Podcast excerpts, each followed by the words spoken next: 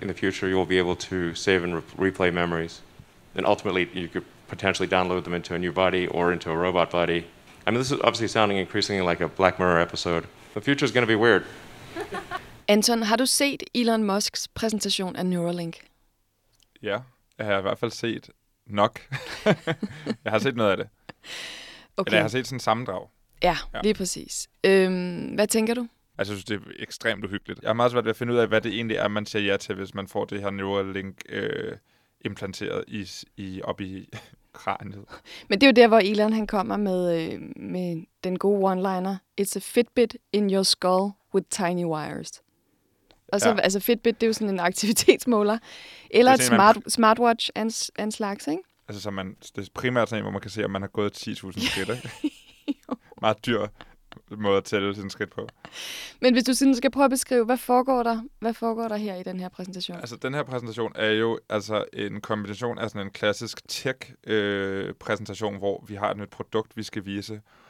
Og så lige pludselig er det også lidt sådan en grisestal, ja. hvor der er levende forsøgsdyr øh, inde i den her præsentation. Og altså, det er så dystopisk på sådan en ekstremt fucked måde. Altså, det er både sådan, det er både sådan sci-fi dystopi, men det er også sådan lidt uh, Animal Farm af George Orwell ja. dystopi med ja.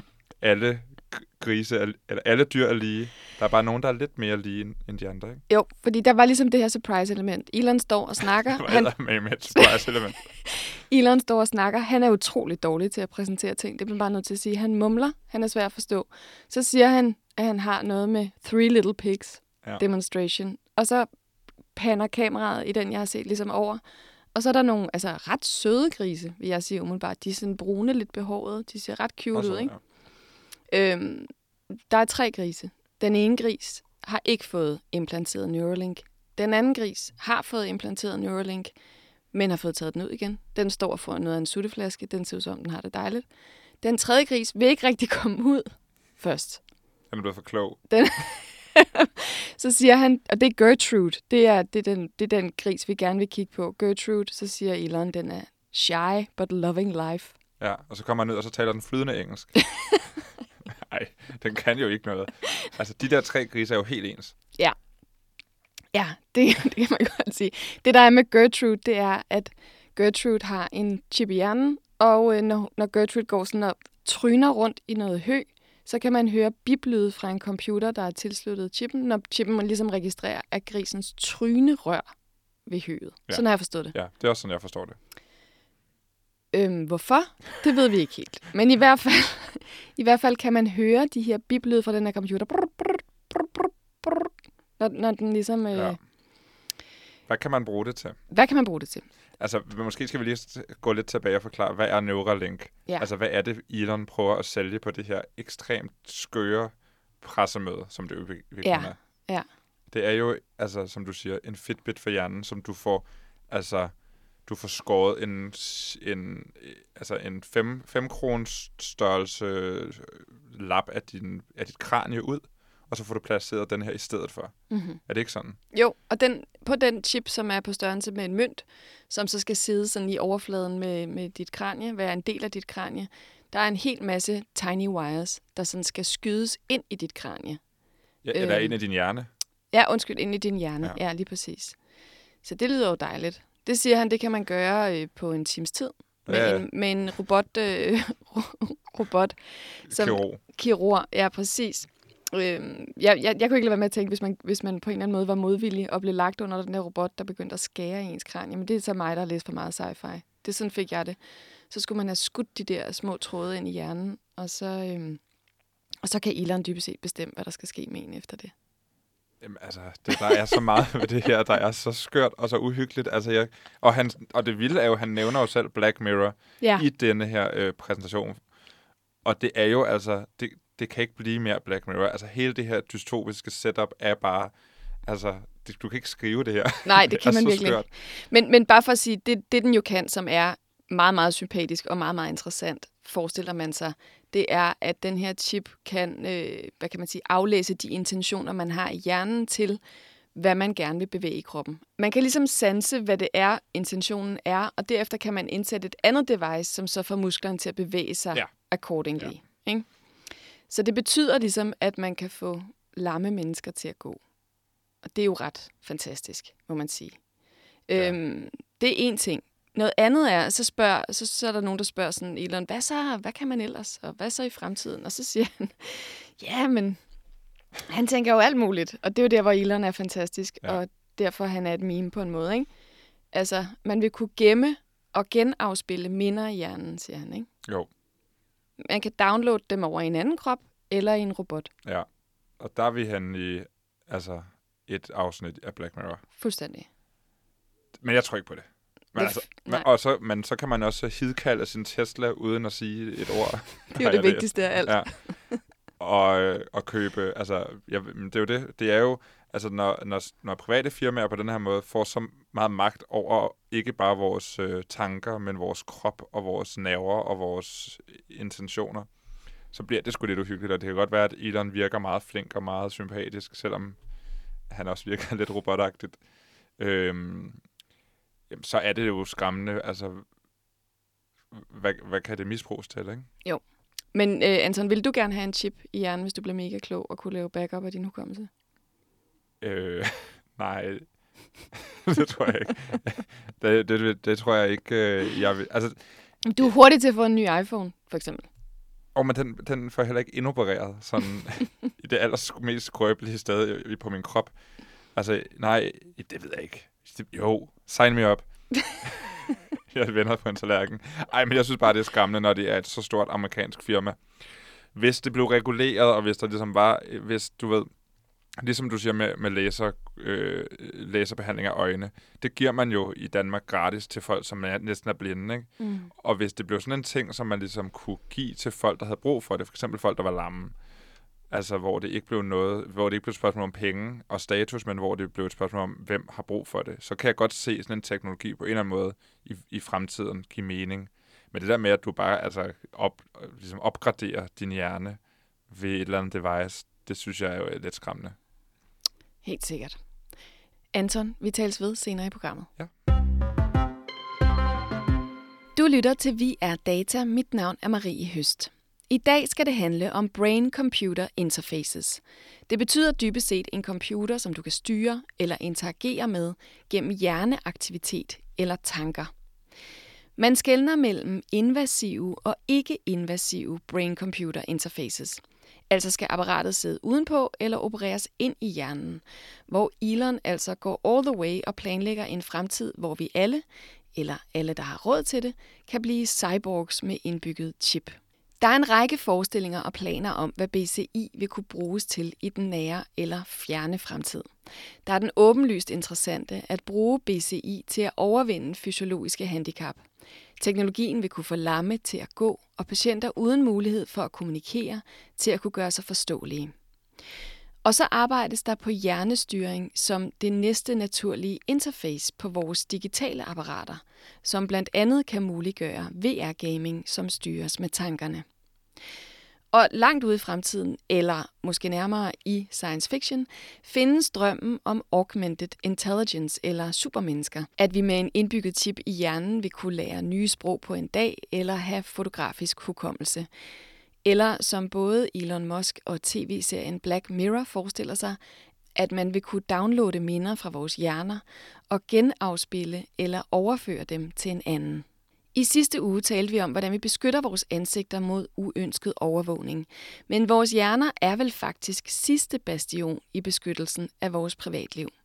I næste program kigger vi nærmere på, hvordan vi bevarer retten til privatliv inde i vores hoveder, og hvordan der lige nu kæmpes for neuro rights. Men i dette program skal jeg tale med en neuroscientist med speciale i hjernestyrede computer, og en investor, der tror, at brain-computer interfaces bliver en vigtig brik i fremtidens måde at bruge en computer på. Velkommen til Vi er Data. Nu vil jeg ringe til Mads Rosing Jokumsen. Mads er lektor på Aalborg Universitet. Han har skrevet en Ph.D.-afhandling omkring hjernestyrede computere og arbejdet inden for området i godt 10 år. Hej Mads, det er Marie Høst fra Vi er Data. Goddag. Mads, hvad går din forskning mere præcist ud på? Det jeg sidder med, det er at udvikle værktøjer til personer med svært motorisk handicap, så det kan for eksempel være personer, der har fået et øh, slagtilfælde, som blodprop eller en blødning i hjernen, og som er blevet lamme som følger det i den ene side, eller personer med en høj rygmavsskade, sådan så de er lamme fra halsen og nedad.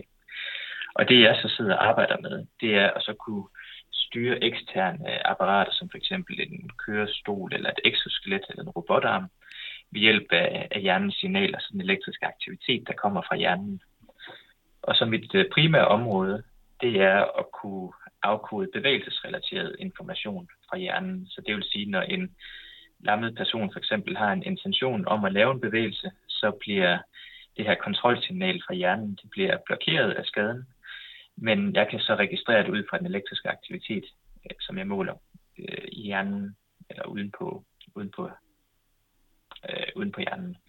Og så, så afkode jeg altså den elektriske aktivitet for at finde ud af, hvad for en type bevægelse det er, de ønsker, sig, de ønsker at lave, og så kan jeg så omsætte det til, til bevægelse af for eksempel exoskelettet, som så kan åbne og lukke hånden på, på en af de her brugere. Okay, så de har en form for hætte eller en form for headset på? Ja, lige præcis. Så de, har, de kan have enten det ene eller det andet. Det vigtige det er egentlig bare, at, at jeg sådan nogenlunde har en elektrode, der kan registrere den elektriske aktivitet over det område, som jeg er interesseret i. Og det er så primært det, det motoriske område, som sidder sådan oven på hovedet, som sidder sådan fra, fra øre til øre. Så det, du måler på, er det, der hedder EEG, eller hvad? Ja, lige præcis. Ja. ja. Og det er elektriske signaler i hjernen? Ja, så det er sådan en, øh, en summation af, af al den elektriske aktivitet, der sådan er inde i hjernen. Primært sådan fra den, den øverste del af, af hjernebarken. Så, så det er egentlig et, et meget sløret billede af, det, af den underliggende aktivitet, der, ja. der foregår inde i hjernen. Og hvordan i alverden finder man ud af, øh, hvilken type aktivitet, der hænger sammen med hvilken intention? Altså, nu øh, kommer den her impuls, og det betyder, at jeg gerne vil bevæge min store tog. Hvordan afkoder man det? Altså hjernen, den er, den er inddelt, øh, sådan så der er nogle dele af hjernen, der styrer underekstremiteterne, så, så ben og fødder, og så har man så andre dele af hjernen, der så styrer øh, de øvre ekstremiteter, som øh, arme og hænder, og så også ansigtsmuskulatur. Så det er sådan, det er inddelt i hjernen, så der har man en, en idé om, hvor man sådan skal kigge efter den aktivitet, man er interesseret i. Og ellers så er det så at prøve at lave, og det er så det, jeg så har gjort i min forskning, prøve at lave en masse forskellige bevægelser, og så prøve at se, hvordan hjerneaktiviteten så ser ud eller adskiller sig øh, imellem øh, de her forskellige bevægelser. Så det er egentlig at prøve at, at kortlægge, hvordan forskellige bevægelser de så ser ud, og hvordan den tilhørende hjerneaktivitet den så ser ud. Og hvordan træner man computeren til at forstå den her intention? Der må være noget AI, der spiller ind også, gætter jeg på. Ja, lige præcis. Så det er, det er egentlig sådan noget mønstergenkendelse eller, eller artificial intelligence. Det er, sådan, det er sådan lidt af det samme. Det, den skal have en masse data ind, sådan så den kan, ligesom kan lære mønstrene, eller lære at kende de her mønstre og adskille dem fra hinanden. Så den skal egentlig se en, en masse gentagelser af de her bevægelser, og så til sidst så vil man kunne begynde at se sådan specifikke mønstre, der så betyder, at det her det er en bevægelse med foden, mens det her det er en bevægelse med hånden. Okay. Og, og der kan man så sige, der, der er forskellige måder, hvorpå man kan, kan forbedre den her kunstig intelligens. Og det er ved at uh, for eksempel give den noget information øh, om hjernen, for eksempel at vi ved, at bevægelser fra, fra hånden, det er sådan cirka fra det her område, mens bevægelser fra foden, det er cirka det her øh, et andet område. Så, så der, der hjælper man den her kunstige intelligens med at, med at give så meget information som muligt. Det lyder ikke særlig præcist, når du beskriver det sådan her. Altså cirka foden, det vil sige, man kan vippe med foden, men sådan noget med, lad os sige, man skal kunne bevæge netop en lille tog. Er det realistisk? Øh, ikke, ikke rigtig ud fra, ud fra EEG'et. Så det er, fordi der er det forsløret, det billede, man ser. Man kan se, at det er en bevægelse med foden, og man kan sådan groft set se, at det er en, at man vipper foden op eller vipper foden ned. Men sådan en bevægelse med, med tær eller bevægelse med, med sådan individuelle fingre, det, det kan man ikke rigtig se sådan ud fra, ud fra overfladen. Der, der bliver man nødt til at gå ind at, at indoperere elektroder inde i hjernen. Fordi jo tættere man sådan kommer ind på selve hjernen, jo mere præcist et billede får man af den aktivitet, der rent faktisk, øh, der rent faktisk er, der sker derinde. Okay. Og hvad, hvad er udfordringen ellers? Fordi selvfølgelig er der også udfordringer, forestiller mig, ved at putte elektronik ind i hjernen i forhold til at arbejde med den udenpå, som du gør nu. Ja, altså fordelen ved at arbejde med det udenpå, det er selvfølgelig, at det er en billig og, og helt, helt sikker teknologi. Der er ikke sådan nogen bivirkninger forbundet med, med det. Mens hvis man så begynder at, øh, at indoperere elektroder og begynder at gå igennem hjernehinderne, så er der en øget risiko for, eller der er en risiko for at få infektionen, og når man sætter elektroderne ind, hvis man så rammer nogle blodkar, så kan man så øh, få nogle små blødninger i hjernen, så det er egentlig der er et, et slagtilfælde. Så der er nogle risici forbundet med, med selve operationen og få lagt elektroder ind. Men du siger også, at det er noget med, at, øh, at man, den også kan risikere at blive frastødt eller afstødt af kroppen, øh, chippen. Ja, alt, alt, hvad man, alt, hvad man sådan putter ind i kroppen, for eksempel om det er alle mulige implantater, det kan være en pacemaker eller brystimplantater, så kommer der sådan noget, øh, sådan noget kapseldannelse rundt om implantatet. Og det vil det også gøre op i hjernen, så, så det vil fungere fint, fint i starten, øh, det her implantat, eller den her elektrode. Men så over tid, så vil, øh, så vil signalerne blive, som man vil kunne optage, de vil, de vil blive dårligere, fordi der begynder at komme noget, ja, noget kapseldannelse rundt om, eller at de her små elektroder, som er lavet af metal, de begynder at ryste, fordi der jo selvfølgelig er øh, en del væske inde i hjernen også. Okay. Mads, hvor langt er I med det her lige nu, og hvordan øh, kommer det til at virke forhåbentlig en gang i fremtiden? Ja, altså der, der er vi der er vi i gang med at lave, eller inden for hele forskningsområdet, det er ikke det, jeg laver, men der er der lavet nogle små case-studier, så det er nogle udvalgte øh, patienter, som har øh, indvilget i at være med i nogle forsøg, hvor de har fået indopereret en elektrode, og hvor de så kan styre en robotarm, så de selv kan spise. Men igen, det er under øh, meget kontrollerede laboratorieforhold, og det er med særligt udvalgte øh, patienter. Så, så det er ikke noget, der sådan er, er noget, som vil være tilgængeligt inden for de næste, tænker jeg, fem år, for i hvert fald for, for mange patienter. Så, så det, er sådan, det er sådan der, hvor vi er, og sådan selve kontrollen, hvor, hvor sofistikeret den er, det er, at for at kunne tage en flaske for eksempel og føre den op til munden, det vil nok tage stedet sådan et til to minutter eller noget i den stil. Okay. Så, så, det, så det, er, det, er ikke, det er ikke så sofistikeret kontrol, som vi har over, over, over de her eksterne apparater, endnu i hvert fald. Men nu snakker du eksterne apparater, netop sådan noget exoskeletter eller en kørestol eller noget lignende. Hvad med, hvad med at rent faktisk få musklerne til at bevæge sig? Ja, det, det, vil man også kunne, det vil man også kunne gøre ved, ved, at, ved at stimulere elektrisk på musklerne. Hvis man sætter noget strøm til musklerne, så kan de også trække sig sammen. Og det er jo også øh, noget af det, man, man gerne vil kunne, for eksempel ved personer med rygmavsskade eller ved personer med, med et slagtilfælde. Så kan man også genskabe bevægelserne ud fra elektrisk stimulation, så man behøver ikke nødvendigvis at have et exoskelet. Hvor langt ud i fremtiden gætter du på, at det er? Det, det laver man allerede. Det gør man? Ja. Så i, for, i forhold til rygmavsskader, der er der selvfølgelig lidt... Øh, når, hvis man har brækket et ben, så mister man hurtigt muskelmassen øh, i det ben, og sådan er det også med, med rygmavsskader for eksempel. Hvis de ikke, hvis de ikke kan bruge øh, de kropsdele, der er blevet påvirket, hvis de ikke får brugt dem i nogle uger eller måneder, så er muskelmassen den er, sådan, den er svundet så meget ind, at man ikke vil kunne, kunne aktivere musklerne nok elektrisk, sådan så det ikke vil kunne, kunne være funktionelt. Okay. For eksempel, at, at det ikke vil kunne, man vil ikke kunne gå, for eksempel, fordi der ikke er nok muskelmasse til at kunne holde kroppen oprejst. Men hvorfor er det, du arbejder med, med hvad kan man sige, den ikke-invasive form for, for hjernekontrol, i stedet for chippen i hjernen? For det lyder som om, at det kan være mere effektivt det afhænger lidt af, sådan, hvad, øh, hvem, hvem det sådan er tiltænkt. Hvis det for eksempel er et slagtilfælde, der, øh, der, er det, der er det sådan som fysioterapi, det hjælper, det hjælper også. Der vil jeg nok sige, der er det de færreste patienter eller personer, der er interesseret i at få indopereret noget i hjernen. Mm. Så der er det lidt en afvejning af de risici, der er forbundet med at få indopereret noget i forhold til det, man kan få ud af det. Så, så det skal primært være personer, der, der slet ikke har nogen mulighed for at, øh, for at kunne forbedre sig. Ved et slagtilfælde, der kan man godt træne, træne sig op igen efter skaden til at, øh, til at kunne være fuldt funktionel igen. Det kan man for eksempel ikke efter, efter rygmavsskader eller ved nogen, der har ALS for eksempel, myotrofisk lateral sklerose. Mm. Så, og så en af de andre grunde, det er så en, en meget praktisk grund, det er, at øh, det gør man ikke rigtig så meget i Danmark, det her med at øh, indoperere elektroder i hjernen. Det er primært øh, USA og Frankrig, hvor man sådan har, har, har gjort det. Hvorfor ikke?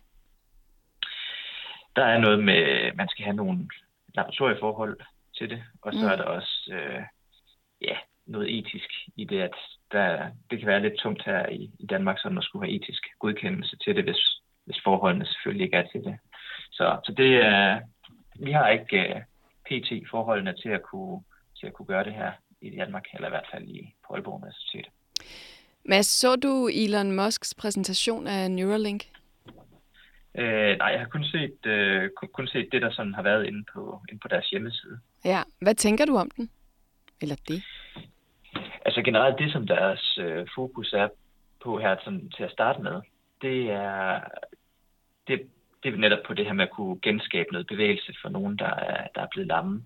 Og det tænker jeg, det er helt klart realistisk. Og det, der så også er meget spændende ved det, de, de udvikler, det, det er de her elektroder. Fordi de kan, de kan lægge, lægge mange små, fine elektroder ind i hjernen i forhold til, til nu, hvor man måske kan lægge øh, 96 elektroder ind på sådan på 1 kvadratcentimeter. Øh, det er sådan et lille, lille frimærke, hvor der så sidder sådan en masse små nåle, som 96 nåle, hvor man så kan måle fra dem. Mens det, som øh, Neuralink de vil gøre, det er, at de så kan måle fra, fra mange flere elektroder. Og jo flere elektroder man så kan måle fra, jo mere information kan man trække ud fra hjernen. Så, så den del, det er, det er rigtig spændende, synes jeg. Hvordan i alverden får man de tråde, der sidder på den chip, placeret så langt inde i hjernen? Ja, det er så også det, der sådan, uh, bliver lidt spændende at følge, hvordan de, hvordan de har tænkt sig at gøre det, fordi det er netop det, der sådan kan være, uh, kan være en udfordring. Det er, hvordan man får, får lagt dem ind, uden at man skader uh, eller beskadiger hjernevævet. Fordi hvis man kommer til at lave netop det her, hvor man rammer en, Øh, en lille blodår, altså så, så risikerer man jo så, at, at der kommer en blødning i hjernen, og så er der nogle områder, der ikke får ilt, og så dør de eller at der kommer opsamler sig blod et sted, som så trykker på, på noget af vævet, hvor der så også kan komme hjerneskader. Og så er det så selvfølgelig, øh, det letteste det er at finde de motoriske områder i hjernen, fordi det er sådan rimelig godt kortlagt. Og så, så kan man også stimulere de områder, der er i hjernen, fordi så kan man, når man så stimulerer de områder i hjernen, så kan man se, så spjætter, øh, for eksempel hvis man stimulerer området for benene, så spjætter benet, når de så stimulerer der, og så ved de, så er de det rigtige sted. Og så kan de så placere elektroden. I forhold til noget, de har også en, en vision om, at de vil kunne gøre noget med hukommelse. Det er så øh, det er meget svært at, at gøre det, fordi det, det er ikke så, så, så godt kortlagt, hvordan hukommelsen den sådan øh, fungerer i hjernen så i forhold til, til bevægelse. Nej, han sagde jo faktisk, Elon, at, at øh, man vil kunne downloade minder eller genafspille minder. Øh, det lyder ikke realistisk i dine ører, eller hvad? Nej, det gør det, det, gør det egentlig ikke. Altså, det kan, nu skal jeg selvfølgelig ikke, det kan selvfølgelig godt være om, om en del år, at, at, det er, at det er en mulighed, men, men jeg, jeg tror det ikke, øh, i hvert fald ikke inden for de næste 50 år. Mm. Men hvornår tænker du, at, at en, en chip i hjernen eller en Neuralink bliver en reel mulighed, og hvornår vil det måske endda blive sådan almindeligt i forhold til at behandle øh, de sygdomme, du beskriver? Altså, jeg tror, det, eller, eller det, er, det er muligt nu, fordi det er, det er vist sådan under kontrolleret forhold. Så er det selvfølgelig lidt det her med, at der skal laves klinisk test på det, og det er så her, hvor, hvor Neuralink, de, de speeder processen voldsomt op i forhold til det, som vi sådan er vant til inden for, inden for forskning. Så, så i forhold til det her med at kunne, kunne give det til nogle, nogle personer, der har svære motoriske handicap, det tror jeg, at det vil være inden for, inden for få år. Så måske, måske fem år. Det tager, det tager et stykke tid at lave de her, det her medicinske afprøvning. Men, men jeg tror, at inden for en 5-10 år, så tror jeg, så, det, så kunne det være en, en behandlingsmulighed for, for de her personer.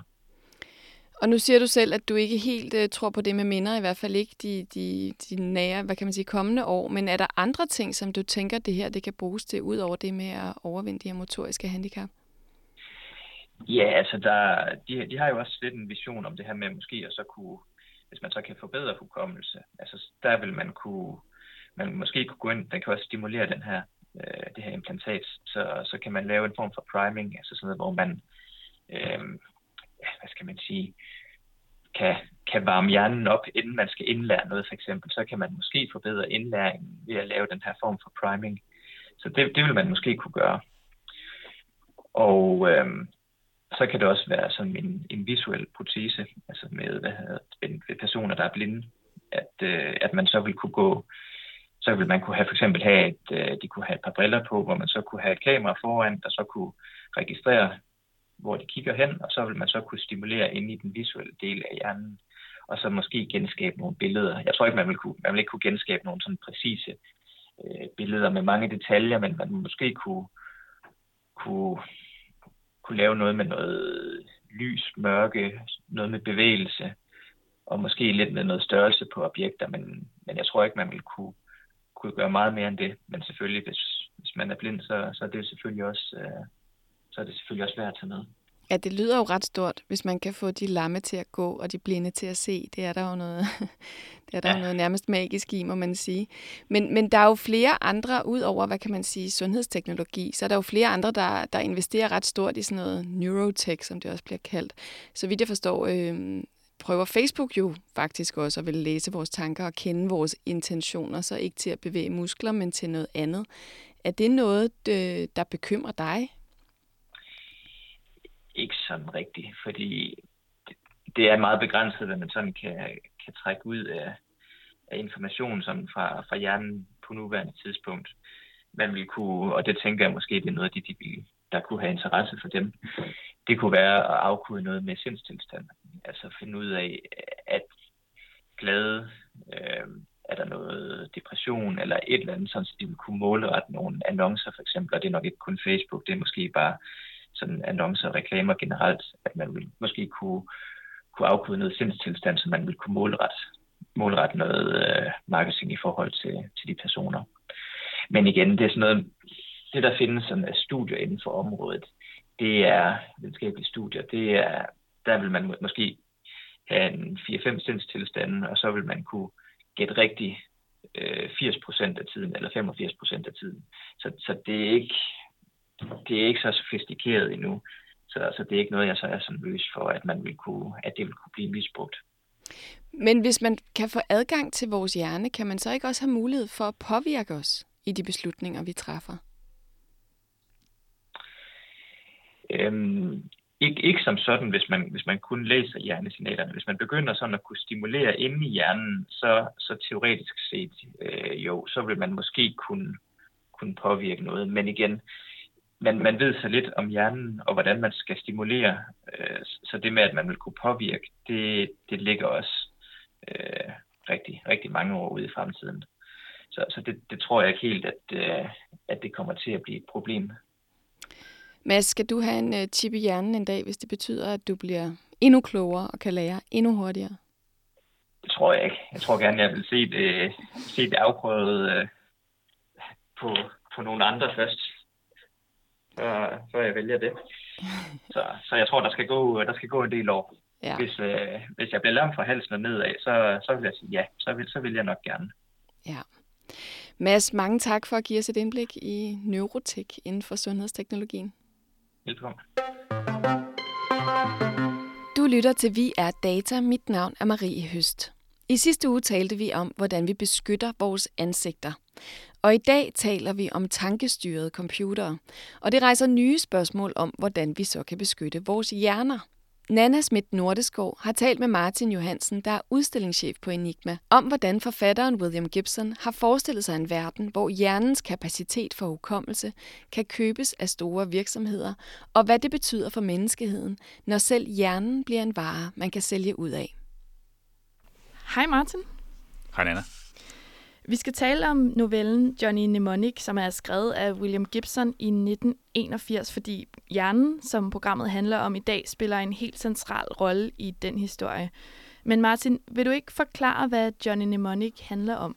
Johnny Mnemonic handler om øh, en fyr, Johnny, som er datakurer. Man kunne sige, at han var sådan en slags øh, omvandrende USB-stik, fordi øh, i nakken, eller sådan et ikke specific, udspecificeret sted, der har han et stik, som øh, øh, man kan hælde data ind igennem. Og det er ikke, fordi det er sådan, sådan særlig, øh, særlig fedt job at gå rundt og have. Øh, han sælger på en eller anden måde sådan sin krop til øh, mafiaen, til Yakuzaen, til de store virksomheder, hvem der nu har brug for at få bragt noget data øh, sikkert uden om, om nettet, uden om matrixen, uden om cyberspace fra et sted til et andet. Øh, og i novellen her, der er det, der er sket. Øh, han skal flytte noget data, men mange andre vil også gerne have fat i den her data, og så bliver det så sådan lidt vildt chubang øh, jagt gennem øh, den her cyberpunk-verden, øh, og gennem, øh, gennem nettet også lidt. Men vil du ikke prøve at fortælle lidt mere om, hvilken verden den her novelle beskriver? Jamen, det er jo sådan en super gritty, mørk verden, Øh, genren hedder cyberpunk, så hvis man forestiller sig øh, noget med, med, med, med, med nittejakker og, og, og hanekammen, så er man et stykke af vejen. Men det er jo så super inficeret af teknologi også. Og det er en teknologi, som ikke kun sådan er inde i menneskerne, som i stigende grad er sådan cyborgs. Øh, det kan være, øh, øh der er sådan en, en, en legemorder, som øh, øh, har Molly Millions, som har barberblade under neglene og, og øh, øh, solbriller, spejlglas foran øjnene i den her novelle også. Men det er også teknologien selv, der sådan næsten også er blevet biologisk, kunne man sige. Øh, så tingene er tapet sammen, og de er klistret sammen. Der er ikke sådan øh, øh, lækre interfaces, så det er ikke, det er, det er ikke særlig Mac-agtigt, det her i hvert fald. Det er sådan lidt mere old school printplader og, og ting, der er tvunget sammen. Programmet i dag handler jo om hjernen, øh, men hvilken rolle spiller Johnnys hjerne i den her? Hvorfor er det lige hjernen, der er omdrejningspunktet i den her novelle? Johnnys hjerne i novellen her øh, er omdrejningspunktet, fordi at det er den, der gør ham i stand til at, at, at flytte data. Øh, øh, øh. og så er hans hjerne jo lidt, lidt specielt, fordi at øh, øh, han har lejet den ud til nogle andre. Øh, øh, øh, så, og med det har han, han så sådan lidt, lidt måske lejet øh, et stykke, et, øh, et værelse ud i, øh, øh i, i, den, i i det der normalt sådan, man betragter som, som, som menneskets sjæl måske i virkeligheden. Øh, så han er jo gået på, på kompromis med sin egen menneskelighed grundlæggende, og det giver ham nogle problemer, for den her data, ligesom, den, den, den, den fylder for meget, altså den, den, den gør ondt i hovedet på ham, og han vil egentlig gerne have den ud. Ikke bare fordi, at ellers så kommer der nogen og hugger hovedet af ham for at få den ud, men, øh, men, men, men, men fordi, at den, den, den, den har stjålet en del af hans menneskelighed. Og novellen slutter også med, hvis jeg må afsløre det, at, at øh, øh, øh han finder øh, en ny tilværelse blandt nogle såkaldte low-techs, altså folk, der, der ikke er helt så high-tech, som Johnny lægger ud med at være, og de hjælper ham med at få, få den her data ud, og han finder sådan en ny måde at leve den her stadigvæk super teknologiske verden på, men, men, men en måde, som, hvor han ikke behøves at, at, at, at, at ligesom sælge ud af sin egen hjerne. Det her det er jo ikke Gibsons eneste populære øh, historie. Han har også lavet Neuromancer, som kommer lidt senere. Men hvorfor er Gibson så populær? Altså, han er nok populær, fordi han har været heldig at ligesom coine nogle begreber, øh, og nogle idéer, som vi har kunnet øh, spejle øh, vores, øh, vores, øh, vores liv med teknologien i. Altså det var Gibson, der, i, som du nævner, i, i Neuromancer i 1984 fandt på begrebet cyberspace, øh, længe før, at, øh, øh, at, at der var nogen overhovedet, der havde tænkt på, på, på at komme på internettet endnu. Øh, og i den her novelle, altså der, der øh, tager han jo også fat på sådan nogle begreber som øh, øh, cyborgen, kybernetik, som er noget, som vi først nu måske rigtig begynder sådan at, at, at udforske øh, i samtiden, i virkeligheden, med, med sådan noget som Elon Musks nye øh, biointerface her. Nu nævnte du selv Elon Musk. Elon Musk vil jo på sigt gøre det for eksempel muligt at uploade minder og lave backups af sine minder, eller overføre dem til en ny krop med Neuralink. Tror du, Elon Musk har læst Gibson? Åh, oh, det er jeg næsten sikker på, at han har. Øh, jeg synes, der er sådan helt klart nogle sci-fi vibes i alt, hvad Elon Musk gør. Om det er i uh, uh, Cybertrucks, det hedder den jo faktisk, den, den her bil, som er på vej, ikke også? Den her store pickup truck, uh, uh, Tesla-style. Det er en Cybertruck.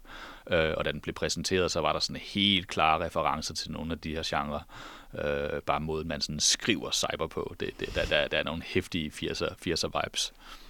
Martin, vi har ikke mere tid. Tusind tak, fordi du havde tid til at tale med mig. Det var en fornøjelse.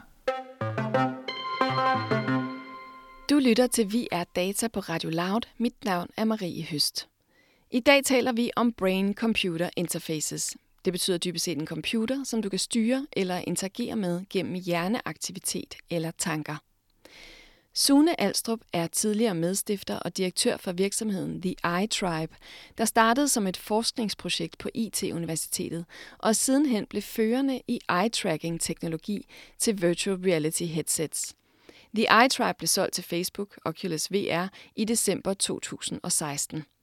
Og i dag investerer Sune i teknologistartups og er blandt andet investor i og medlem af bestyrelsen for NextMind, et brain sensing device til gaming i augmented eller virtual reality. Det er Sune. Hej Sune, det er Marie fra Via Data. Sune, du er investor og medlem af bestyrelsen i NextMind. Hvad er NextMind for en virksomhed? NextMind er en, øh, en teknologivirksomhed baseret i Paris, som laver brain-computer interface teknologi, som man kalder det. Det vil sige, at man har en device, man kan sætte på hovedet, der kan aflæse ens hjernebølge, så man kan styre noget på en skærm for eksempel. Øh, et hvert digitalt objekt med, med tankens kraft alene. Og hvad, hvordan fungerer det? Hvordan fungerer et Next Mind headset? Det fungerer sådan set på den måde, at når du ser et øh, objekt, hvad enten det er i en virkelig verden eller på en skærm, øh, så, bliver, så kommer der en aftegning i princippet af det her objekt øh, eller billede i dit, øh, det, der hedder det visuelle cortex på bagsiden af, af, af dit hoved, altså inde i hjernen. Og øh, det afspejler sig i nogle, øh, i nogle hjernebølger, som kan læses med sådan en, øh, en EEG-device. Øh, altså det er nogle elektriske impulser, som kan aflæses. Og så kan man simpelthen ved hjælp af moderne altså computerkraft, kan man simpelthen lave nogle, øh, nogle, nogle ret imponerende øh, beregninger af, hvad det er, du ser. Øh, så man simpelthen kan tage det, du kigger på skærmen, og øh, aflæse, at det er det her objekt versus øh, det objekt, der er ved siden af, du kigger på, for eksempel. Og så kan man så bruge det til at interagere med de objekter, der er på skærmen. Ikke? Så man kan fx vælge noget, eller man kan øh, øh, manipulere et objekt. Øh, så, der, så der er mange, altså potentielt set er der mange muligheder. Teknologien er stadig meget, meget tidligt, men, men man kan nogle ting nu, som man ikke troede, man ville kunne i dag, bare for et par år tilbage. Men, men sådan som det for eksempel virker, det er, hvis altså, jeg ser muligheden for, for stop og start, og så kigger jeg på start, og så kan den aflæse, at det er det, jeg gerne vil. Ja, hvis du for eksempel lige præcis øh, havde noget på din telefon eller på dit fjernsyn, så kan du starte, stoppe, skrue op og ned for lyden, øh, skifte kanal alene ved at tænke på det, mm. uden at skulle gøre andet. Og det er en lille, hvad kan man sige, det er sådan en, en, en cirkulær øh, lille kasse, som man har siddende bag på hovedet. Er det rigtigt forstået? Ja, det er rigtigt. Og det er derfor, at den, den i første omgang øh, egner sig godt, hvis man i forvejen har noget siddende bag på hovedet, altså et virtual reality headset, som jo har et spænde rundt om, om hovedet, jamen, så kan man altså klipse den her lille øh, runde øh, unit, kan man så klipse fast simpelthen under, øh, under remmen til VR-headsettet, og så, så kan man faktisk bruge øh, det for eksempel til at, til at spille spil, og kan så bruge altså, øh, sin, øh, sin tankeskraft. Ikke? Så man, man, man føler sig lidt som en Jedi, når, når man gør det. Hvorfor er det, det passer så godt til, til VR og AR? Altså, der er flere grunde til det. Den primære grund er jo, at der har du i forvejen noget på hovedet, og det her kræver lige nu, sådan som teknologien er, at der sidder noget bag på, på bagsiden af hovedet over dit visuelle cortex. Så det skal der. Altså det, det er den ene ting. Den anden ting er jo, at, at i gaming-oplevelser, der er det utrolig vigtigt, hvordan man interagerer med noget, og det kan give nogle helt andre oplevelser, hvis du for eksempel har, hvis du skal øh, skyde en, en alien i et spil, Jamen det, at du kan gøre det bare ved at fokusere på den her alien, det giver sådan en øh, magisk fornemmelse. Det giver dig en fornemmelse af at være sådan lidt øh, superhuman. øh, og, og når du er i et spil, så er det jo netop den type oplevelse, som gør, at spillet er fedt. Det lyder lidt som Jedi, Jedi mind tricks. Ja, det er det jo sådan set lidt. Øh, og, og, i, og i et virtuelt univers i et spil, der giver det jo rigtig god mening at kunne det. Og det er klart, at, at når du, når du tager tilbage til fjernsynet, øh, ja, så, så er der også lidt magi over, at du kan trykke øh, play. Men det er jo ikke det samme som øh, i et virtuelt univers, hvor du kan nogle ting, der virker øh, endnu mere magiske. Du grundlagde jo selv en virksomhed, som specialiserede sig i eye-tracking, altså det med at registrere blikretning og bruge det til interaktioner. Hvorfor er det ikke ja. nok at, at, at, øh, at bruge eye-tracking? Jamen altså, jeg, jeg tror det er jo sådan, at, at der er altså der er nogle typer af, af, af altså af platforme, øh, som har som har nogle visse typer af interaktionsformer, der skal til, før det bliver magisk. Før det bliver en magisk oplevelse. Og jeg bruger tit det der eksempel med, at da folk de øh, prøvede iPhone første gang, dengang der var det touchskærmen, der gjorde, at man kunne få en magisk oplevelse på en iPhone. Altså det her med, de fleste kan huske, hvordan de navigerede på, øh, på Maps første gang på en iPhone, fordi det var helt nyt, at man kunne det mm. på en mobiltelefon, og det føltes ret magisk. Og de fleste kan huske den der fornemmelse af at gå ind i det her map og begynde at, at pinche og zoome, øh, bare med, med fingrene. Det var super naturligt, og det føltes meget magisk.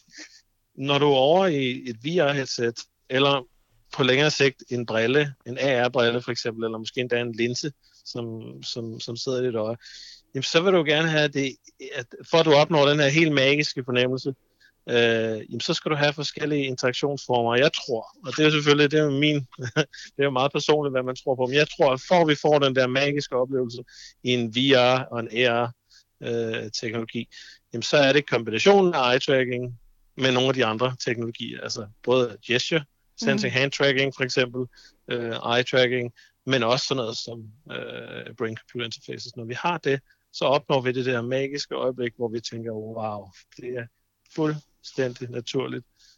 Systemet forstår fuldstændig, hvad det er, jeg vil, uden at jeg behøver at, at forklare noget som helst. Ikke? Så det, er, det er også det, man kunne kalde uh, pervasive computing. Uh, så det, det giver ligesom den her fornemmelse af, at computeren den bare er en del af os. Men tror du, at det bliver øh, det mest almindelige form for, øh, for interface, det her brain-computer interface?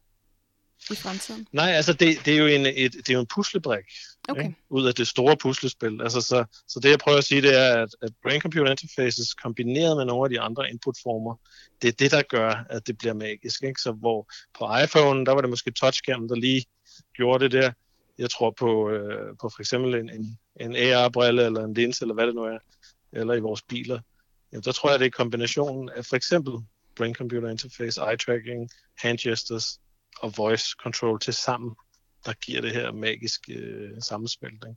Så, så vores devices, de bare ved ret naturligt, hvad det er, vi vil. Mm. Så man ikke skal sidde og bikse med et, øh, et hjul i GB, til GPS'en. Ikke? Altså det, det første skift, det var, at man kunne sige til, til, øh, til sin bil, hvor er det, du vil køre hen men, men på sigt, så vil det kunne blive endnu nemmere. Ikke? Altså, så kan du bare, øh, hvis der er for meget støj, så virker voice control ikke.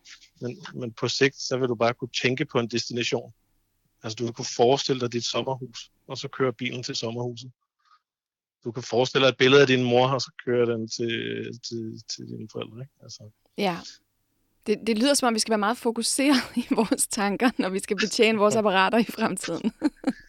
altså, det er, jo, det er jo der, hvor at i forvejen i vores, øh, i, vores øh, hverdag er vi jo ret gode til at fokusere og at defokusere ikke, på ting. Altså, og det, det, er jo den, det er jo de naturlige processer, som et, en, et interface skal understøtte, ikke, for at det virker naturligt. Det skal jo helst ikke øh, virke for svært. Mm. Det er jo det, der er hele pointen. Ikke?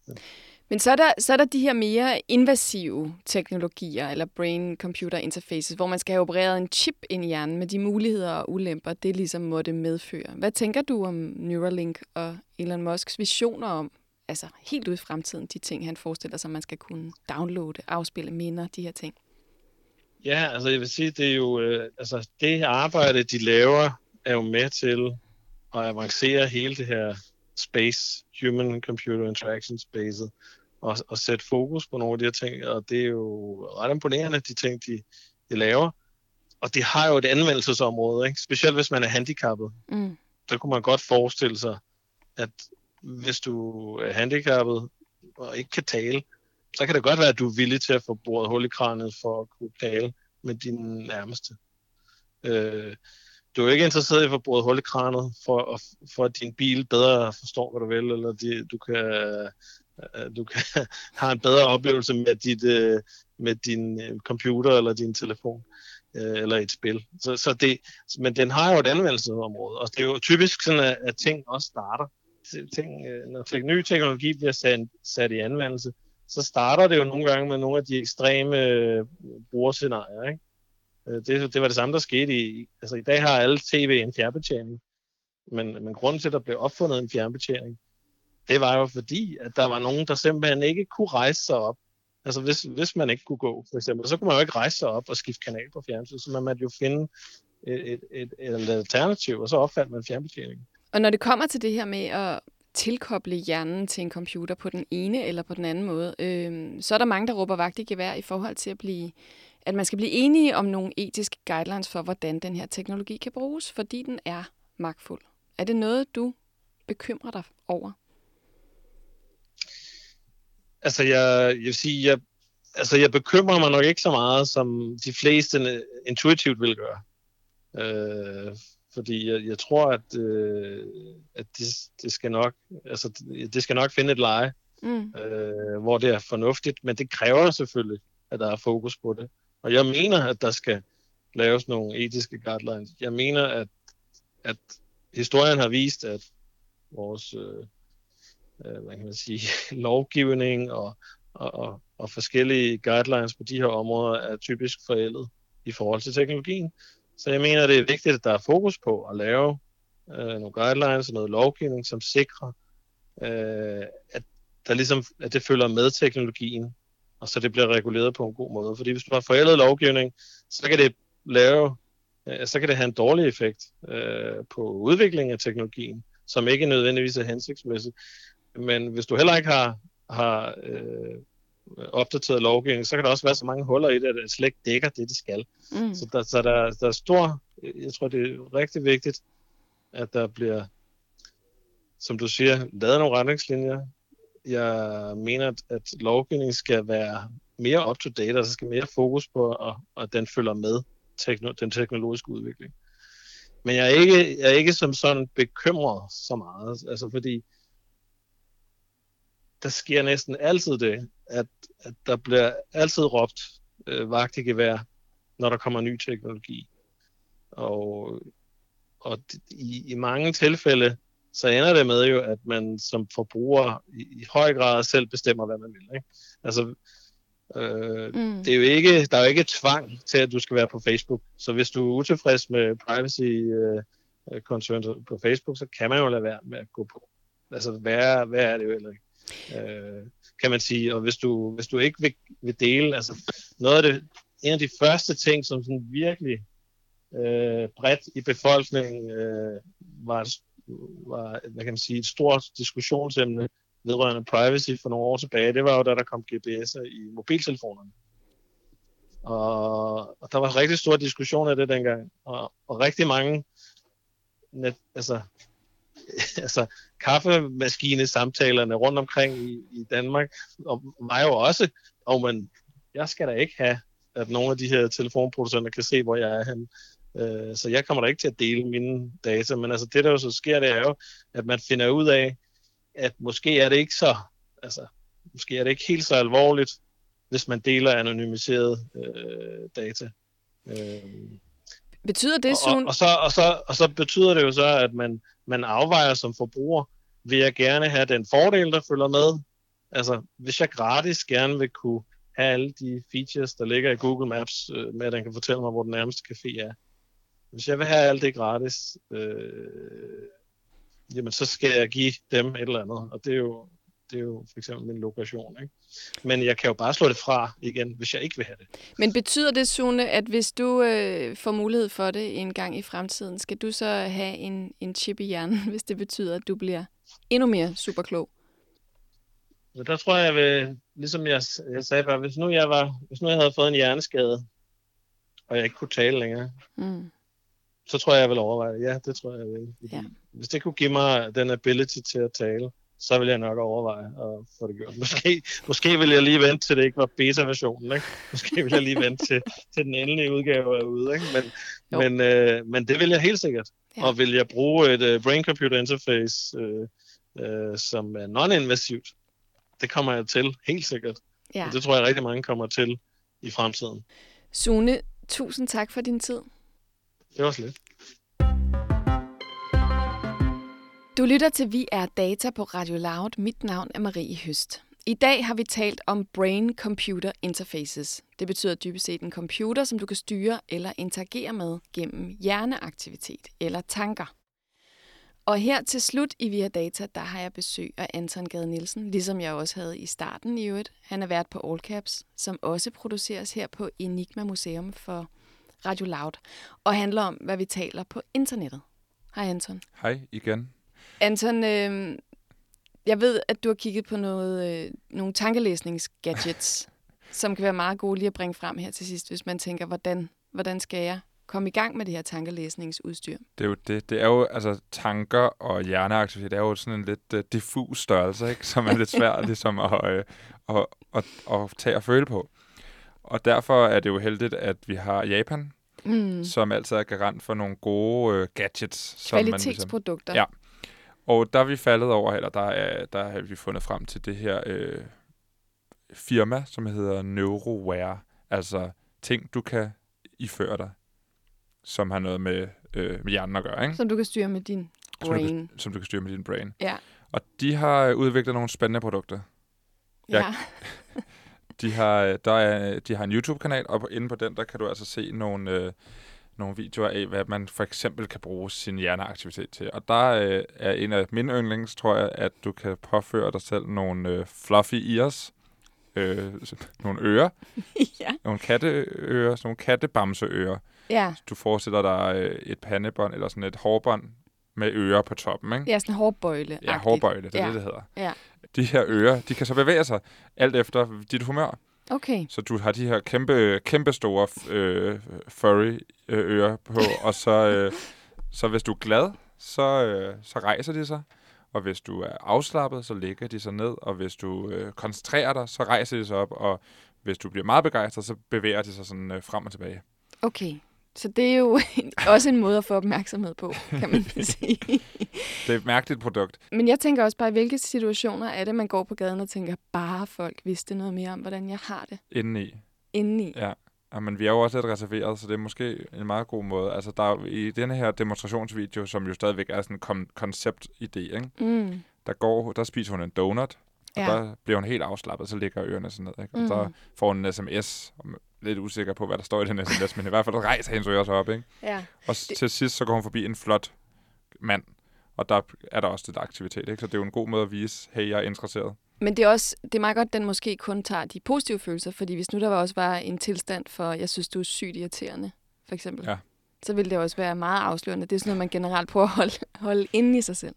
Ja, det er det svært helt at lure, hvad man skal bruge det her produkt til. Ja. Et andet produkt, kan vi, hvis vi kan nå det. Ja. En af de ting, som, øh, som Elon Musk han snakker om, det var det her med at øh, gemme minder og se dem igen. Og der har NeuroWare også fundet en løsning på det. Og det, det er meget simpelt egentlig. Det er meget mere simpelt end at få ligesom, skåret en, en del af sin kranie ud. Og det er, at du påfører din mobiltelefon på siden af hovedet. og så via et, øh, øh, en lille device, så filmer den så fremad. Ja. Og så kan den ligesom filme alt, hvad du ser. Og så via en eller anden forbindelse til, hvor glad din hjernebølger fortæller, at du er, kan den så påføre en eller anden form for skala på de her videoer, som viser, at hvis du er 100%, så er du meget glad, og hvis du er 65, så er du øh, ok glad, ikke? Jamen det vigtigste er jo faktisk, at den begynder at filme, når man på en eller anden måde er glad for noget. Det kan den aflæse, det her apparat, man har på hovedet. Ja og så begynder den bare, så begynder den bare at filme. Ja, så du går rundt med, man er. Så du går rundt med en mobiltelefon på siden af hovedet hele tiden. ja. Og så en gang imellem begynder den at filme. Det kan være for eksempel, hvis du ser en hund bagfra, som det er i den her video. Ja. Eller hvis du kigger på en, en rumraket-legetøj. Eller hvis du møder the man of your dreams ude på gaden. Så har du simpelthen så mange videoer i din uh, iPhoto, når du kommer hjem ja. fra sådan en dag på gaden. Ja, sådan, det er helt øh, det er fedt. Så hvis man vil vide mere om, hvad man kan bruge og måske bør bruge den her teknologi til, så kan man tjekke NeuroWare ud på YouTube. En oplagt fødselsdagsgave. Ja. Tak, Anton. glæder mig allerede.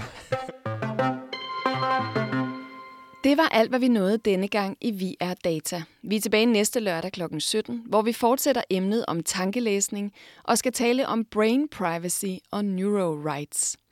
Du kan som altid finde programmet og alle de tidligere programmer i en hvilken som helst podcast-app, du nu foretrækker.